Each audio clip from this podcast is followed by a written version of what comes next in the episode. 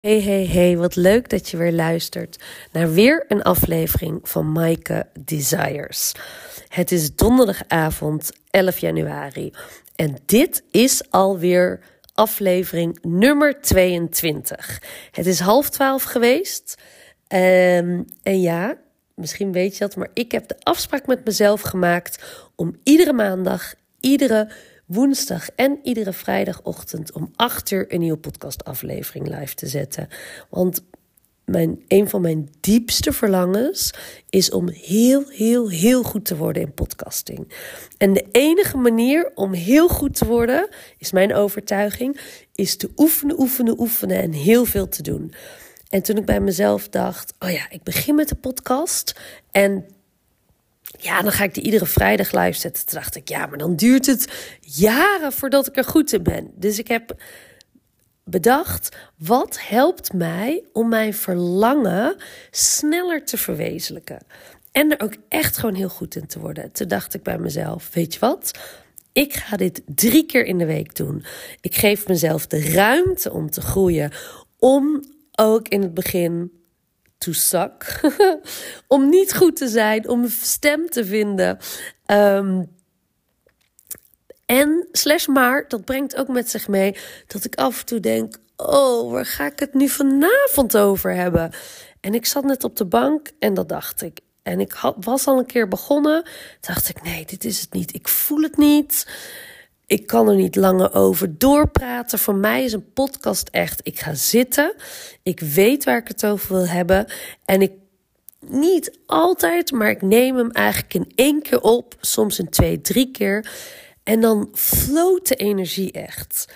En dat lukte nog niet met het onderwerp. Toen dacht ik: nee, dit is het niet. Dit is het ook niet. Dit is ook niet. Totdat ik net dacht: hé, hey, maar wat, wat is, wat wat was de rode draad vandaag door mijn dag? Hè? Misschien ken je de term document, don't create. Dus documenteren wat mijn reis is, wat ik meemaak op een dag. En daarvan delen waarvan ik denk dat dat inspirerend kan zijn. En ik was, voordat ik deze podcast wilde opnemen, was ik een training aan het doen. Ik volg onder andere uh, een online training van uh, Kim Munnekom, Self Love Mastery. En ik was bij de module, uh, volgens mij is het module 3. Um, en dat begon met het gesloten hartsyndroom. En die raakte mij echt. En tegelijkertijd was het ook waar ik vandaag een gesprek uh, over op mijn werk had. En dat wil ik vanavond graag met je delen. Ik ben benieuwd of je dit herkent, of misschien uh, gedeelte herkent.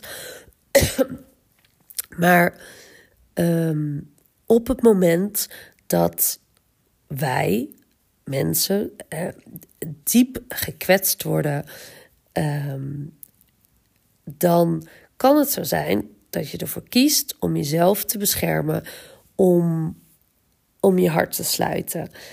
Om te zorgen dat, dat zelf in zo'nzelfde situatie je niet meer gekwetst wordt, je niet meer diezelfde pijn voelde die je toen voelde, puur uit zelfbescherming. En wat er uiteindelijk ook voor kan gaan leiden, dat je dus overal minder gaat voelen. Um, minder blij, minder verdrietig, um, maar overal minder gaat voelen. En dat lijkt je. Dat, ja, dat doe je uit zelfbescherming. Dat kan ontstaan zijn. Veel van dit soort dingen ontstaan als kind, als we klein zijn, dat er een situatie is. En je kopingsmechanisme op dat moment was om jezelf te beschermen, om je hart af te sluiten, om te zorgen dat je niet nog een keer zo gekwetst werd. Um, en bij mij een, een van de dingen uh, uh, die voor mij heel uh, impactvol zijn geweest als kind, is dat mm, mijn. Mijn, ik weet nog dat ik was, denk ik, toen was ik niet heel jong meer, maar ik denk dat ik negen was. En En mijn ouders waren nog bij elkaar, maar mijn vader was ehm, een week of twee op zakenreis. En ik weet nog, dat is in ieder geval wat mijn ouders me vertelden. En ik weet nog dat, uh, dat mijn moeder in die periode heel veel verdrietig was. En dat, dat kon ik. Ik voelde als kind ook dat er iets niet helemaal klopte. Maar ik kon het ook niet plaatsen. Want ze hadden gezegd: papa is uh, op reis voor zijn werk. En die komt, uh, nou ja, die komt zo weer terug. En ik op weet nog, het, ik, ik kan me ook nog precies herinneren. Ik reed terug van school op mijn fiets. Ik weet nog precies, ik had een lichtblauwe fiets. Ik weet ook nog precies in welke bocht ik reed. En toen zag ik mijn vader naast me komen rijden.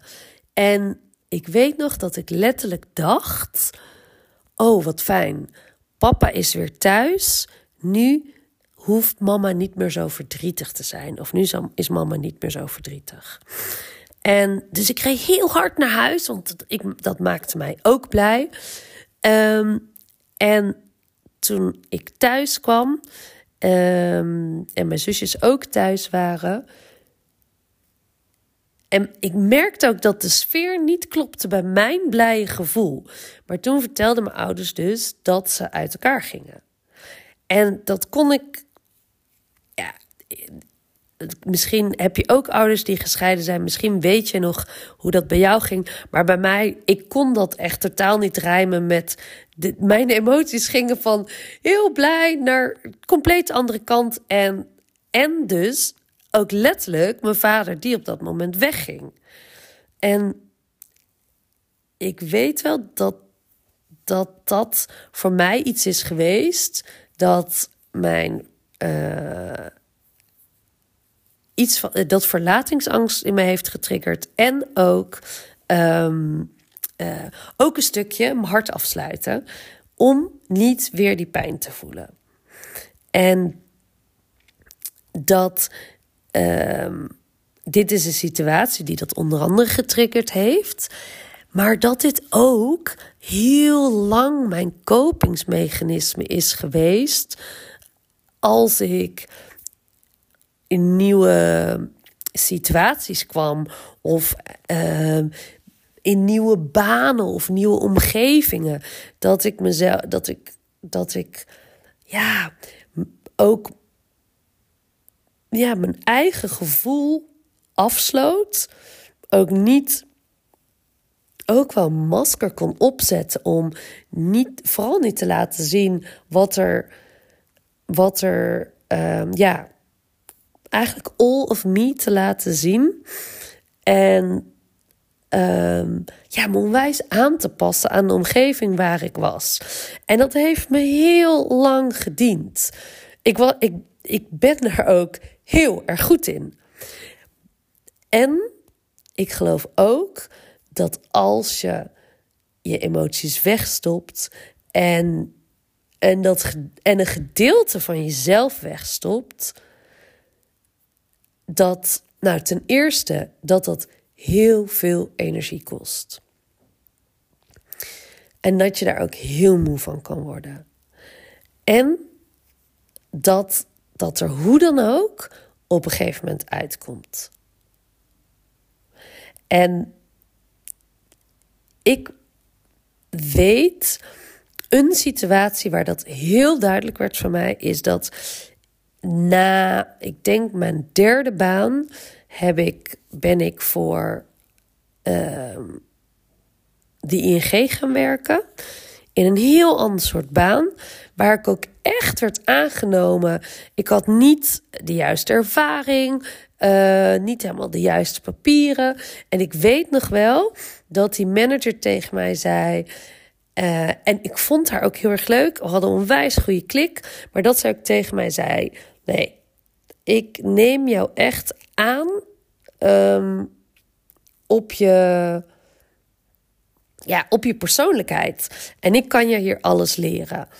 En ik, uh, ik maakte ook een enorme stap in salaris. En ik weet wel dat ik, ja, dat ik En tegelijkertijd had ik een onderbuikgevoel. Dat is misschien een andere podcast, maar ook een onderbuikgevoel daarover. En ik weet wel dat ik aan de ene kant heel excited was over die kans en de manier waarop ik aan was genomen. Dat, dat ik voelde me gezien. En vervolgens kwam ik daar en eigenlijk, nou, ik denk binnen, misschien de eerste dag wel, maar binnen de eerste week wist ik al, nou, dit gaat hem niet worden. Dit is zo niet mijn omgeving. Ik voelde zo alsof ik een masker op moest zetten, me anders voordoen dan ik zelf ben. En ja, het, het paste totaal niet met bij mij en wat ik belangrijk vond, de manier van werken. En tegelijkertijd zei ik ook tegen mezelf: maar ja, ja je kunt niet na een opgeven. Je moet het minimaal. Uh, ik weet niet wat ik toen in eerste instantie tegen mezelf heb gezegd, maar drie maanden, een jaar, anderhalf jaar uitproberen voordat je echt kunt zeggen: Nou, dit wordt hem niet. En om je inzicht te geven, ik heb er uiteindelijk volgens mij zelfs vier jaar gewerkt. En laat het drie, drieënhalf zijn. En toen was ehm, de koek zo op. Ik herinner me nog dat ik um, volgens mij was het het jaar van Sale in Amsterdam. Het was super mooi weer. Ik zat buiten op het terras samen met mijn partner en uh, zijn nichtje en een vriendin. En we zaten te eten. En van het ene op het andere moment voelde ik mijn energie zo uit me weglopen. Zo van mijn hoofd naar mijn kleine teen. En ik voelde in dat moment en we zaten, ik denk als, we, als ik naar huis was gelopen, had me dat 10 minuten gekost. Maar ik voelde op dat moment, ik kan niet naar huis lopen. Sterker nog, ik kan even helemaal niks. Ik voelde me ook super naar. Ik, het enige wat ik kon doen om, om een soort van overeind te helpen, was te concentreren op mezelf. En ik heb toen tegen mijn partner gezegd, de vader van mijn kinderen. Um, nu, um, je moet nu een taxi bellen, want ik kan niet naar huis lopen. En in eerste instantie dacht hij ook nog dat ik een grap maakte. Want hij dacht, ja, we zitten zo dicht bij huis, we lopen wel naar huis. Ik zeg, nee, ik, ik vind het prima als jullie blijven zitten, maar ik moet nu naar huis. en ik, ik kan niet lopen. Dus ik ben met de taxi naar huis gegaan. Ik ben in bed gaan liggen. En ik kon heel duidelijk ook voelen, wat er ook gebeurt, wie wat ook tegen me zegt, wat ik als eerste ga doen, is een week lang in bed liggen. Om eerst even helemaal uit te rusten. Mijn lijf was helemaal, helemaal op. Compleet op. En ik voelde heel duidelijk het was ook zo duidelijk en helder voor mezelf. Ik dacht, het maakt niet uit wat wie dan ook ervan vindt of tegen me zegt. Dit is wat ik eerst nodig heb. En daarna heb ik ook, ik weet ook wel dat er heel veel mensen tegen mij zeiden: Oh, maar een burn-out, dan ben je minimaal twee jaar verder of anderhalf jaar verder. Toen heb ik ook heel duidelijk tegen mezelf gezegd: En dat gaat mij niet gebeuren. Ik ga er alles aan doen dat ik me weer goed voel. En dat ik herstel. En dat ik weer, dat mijn lijf rust heeft gekregen, maar daarna weer doet, weer werkt. En onderzoeken, hey, hoe kom ik hier eigenlijk? En hoe kom ik hier uit en niet meer, en niet meer in? Ehm, en dat lukt ook omdat ik me heel duidelijk focuste op uh, enerzijds bewegen, wandelen, Um, en um, tijd voor mezelf nemen. Um, en wat het voorbeeld en waarom ik dit geef, is omdat ik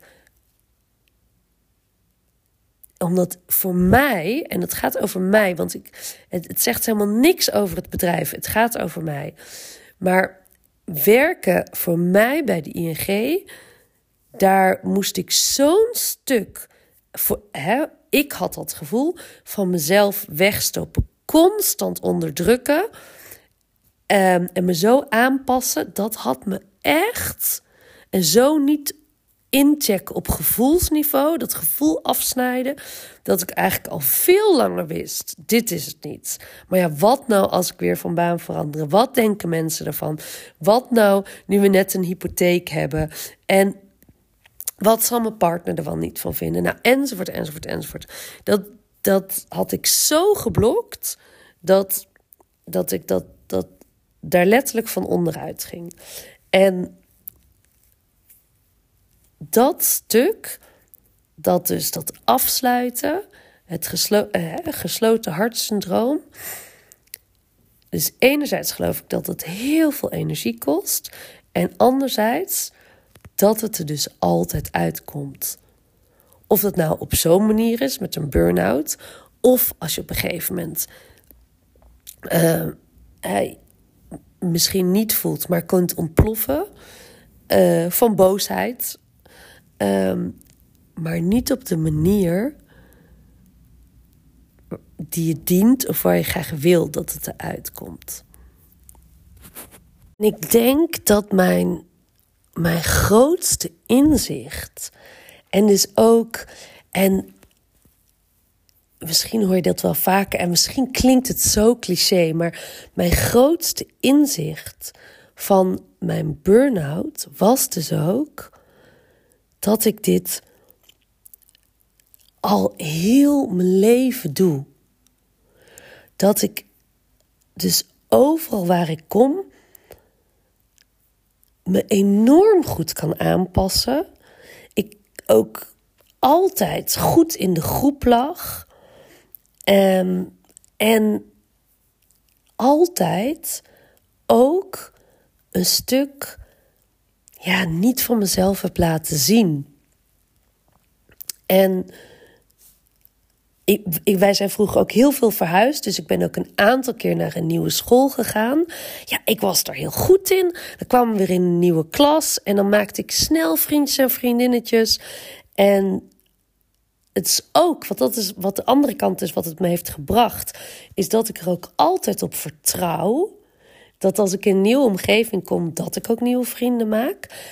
En tegelijkertijd kon ik ook wel zien: wauw, ik, ik heb wel ergens als kind, toen ik klein was, besloten uit hè, bescherming dat het me dient om, om, om me aan te passen. En dus een heel stuk van mezelf niet te laten zien. Omdat ik het gevoel ehm, had dat. en vooral op, op een, een, het, het gevoelstuk, dus mijn gevoelens afsloot, omdat ik vooral het gevoel had dat en dat is ook zo. Ik kan heel diep uh, voelen. Ik kan ook um, heel boos worden. En dan. Ik ben dat ook weer snel kwijt. Dus ik ben iemand die heel gepassioneerd is, heel blij kan zijn, intens verdrietig en ook heel boos. Dus en ik heb dat. Ik heb dat heel lang gevoeld als too much. te sensitief, te, uh, te, te veel emoties, te emotioneel. En, en dat heb ik dus altijd heel erg weggestopt. En ik denk dat dat dus mijn allergrootste inzicht was na mijn burn-out wauw.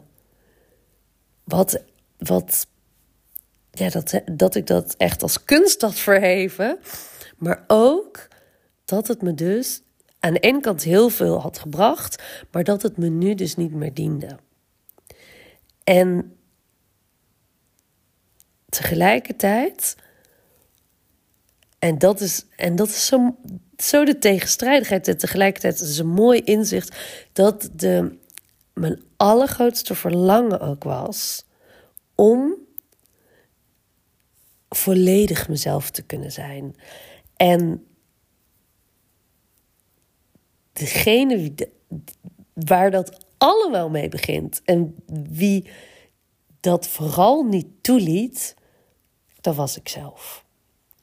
Dus het begon en begint met mezelf, jezelf toestaan om ja, ook ja, alles te voelen. En ik heb heel lang ook heel, ja, het, mijn gevoel afgesloten, weggestopt. En toen ik begon, en dat is niet van de een op andere dag, maar toen ik mezelf begon toe te staan om, om veel meer weer in te tunen met mijn gevoel, toe te staan om te voelen. En ja, soms ook intens verdriet en, en blijdschap en boosheid en, nou, en al, alle emoties die, die de revue kunnen passeren, ehm, bracht mij ook veel dichterbij wie ik echt ben. En ook kon ik veel beter gaan voelen wat ik echt wilde. Want bijvoorbeeld, als ik terugkeek, ik had gewoon een onderbuikgevoel, eigenlijk al bij het gesprek, maar ook bij zo'n ING. Ik wist het na een week. Dit is niet mijn plek. En dat ging over mij en over niemand anders.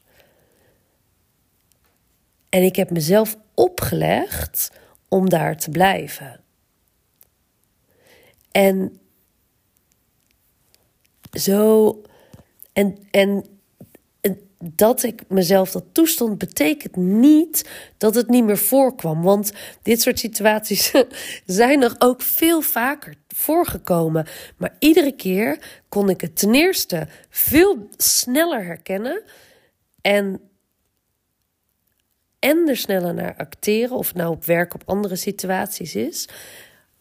En ik kan ook altijd op het moment dat zoiets nog een keer gebeurde, ook bijvoorbeeld als ik het dan op werk neem, kon ik achteraf en, en ook in het moment zien, ik voel aan mijn onderbuik dat dit niet mijn plek is. En om het, en ik zeg niet dat het een makkelijke een makkelijke reis is om, om, ja, om dat iedere keer weer, om iedere keer weer in te tunen met hey. En zeker niet als iets als heel lang je overlevingsmechanisme is geweest. Maar door mezelf toe te staan om, om weer te voelen, om die gevoelens te laten zijn. Ja, daar ten eerste viel de enorme last en druk van mijn schouders om constant maar te voldoen aan waar ik dacht dat ik aan moest voldoen om erbij te horen, om erbij te passen.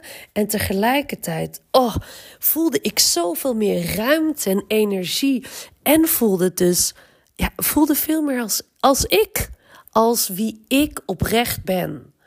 En durfde, durf ik en durfde ik dus ook steeds meer op mijn gevoel te vertrouwen. In iedere situatie. En heeft er voor me toe te geleid als eerste stap ook om te zeggen: ik word niet gelukkig van in vaste dienst, bijvoorbeeld voor mij, bij een bedrijf werken, 40 uur in de week op kantoor zitten. En dat is dus mijn eerste stap richting ondernemerschap geweest. Te zeggen: hey, ik begin als freelancer voor mezelf. En ik word heel blij van mezelf blijven ontwikkelen, uh, coaching, training, cursussen volgen, lezen. En ik creëer voor mezelf in ieder geval één dag in de week om dat te doen. Um, en kies ik ervoor om 24 tot 32 uur te werken. En op het moment dat ik nu een, uh, een nieuwe opdracht, iedere keer dat ik een nieuwe opdracht aantrok, en ook dat leerde ik stap voor stap. Leerde ik steeds beter om ook te communiceren dat het voor mij belangrijk is om ook, ook thuis te werken, ook op kantoor te werken of op een andere locatie. Omdat dat is ehm, ja, hoe ik het allerbeste werk. Uh, om, en dat ik dan het meest effectief ben. En, en gewoon het blijst en dat dat voor beter werk zorgt.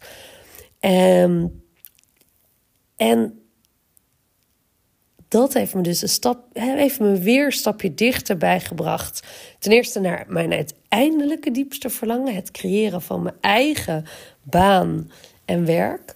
Maar ook ja, dat ik mezelf toesta om A, duidelijk te communiceren, in te checken en te voelen wat belangrijk is voor mij, wat ik wil, waarbij ik um, aanga en wanneer ik weer voel dat ik me afsluit.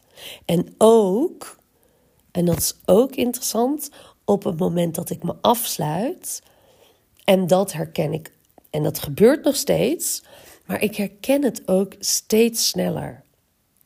En op het moment dat ik me afsluit, dan, hey, dan weet ik, hey, ik mag weer even echt inchecken wat gebeurt er nu. En wat is, wat is de trigger dat ik me afsluit. En soms kan dat ook. Hè, dus dat mechanisme, beschermingsmechanisme is super sterk. Dus het afsluiten en terugtrekken is er nog steeds. Maar ik herken het dus sneller. En ik kan dus ook sneller bij mezelf inchecken wat de trigger is. Wat zit eronder? Wat wordt er getriggerd? Een oude pijn. Eh, waarop ik ook reageer um, zoals ik als kind reageerde. En hoe voel ik me daar echt over? En door dan. Um, door dat te doen, uh, geeft dat weer nieuwe inzichten. En dus weer een stuk, hè, heel ik eigenlijk weer een stuk um, in het nu, eigenlijk een oude pijn. En dat, ja, dat is tegelijkertijd dus ook ja, onwijs krachtig inzicht geweest tijdens en na mijn burn-out. En tegelijkertijd, ja, een ongoing journey om iedere dag, en zo voel ik dat ook echt, ja, meer en meer los te laten wie ik ben, om te worden wie ik wil zijn. En denk dat dat een hele mooie is om de podcast af te sluiten. En ik ben wel nog heel benieuwd wat, wat deze aflevering met jou deed. Of er iets is wat met je resoneert. Of er iets is wat jij herkent. Misschien heb je ook in een burn-out gezeten. Of misschien herken je dat jouw kopingsmechanisme ook uh, het afsluiten van je gevoelens, afsluiten van je hart is. Um, als je het me wil laten weten, ik vind het super fijn en ik ben super dankbaar voor jullie berichtjes die jullie me sturen over mijn podcast. Um, je kunt me altijd een DM sturen via Instagram. En als je het wil delen met anderen, als het jou inspireert en als je hem deelt met anderen, dan help je mij mijn grootste verlangen uh, waar te maken en mijn podcast te laten groeien. Um, en uh, voor nu, hele fijne avond of een hele fijne dag.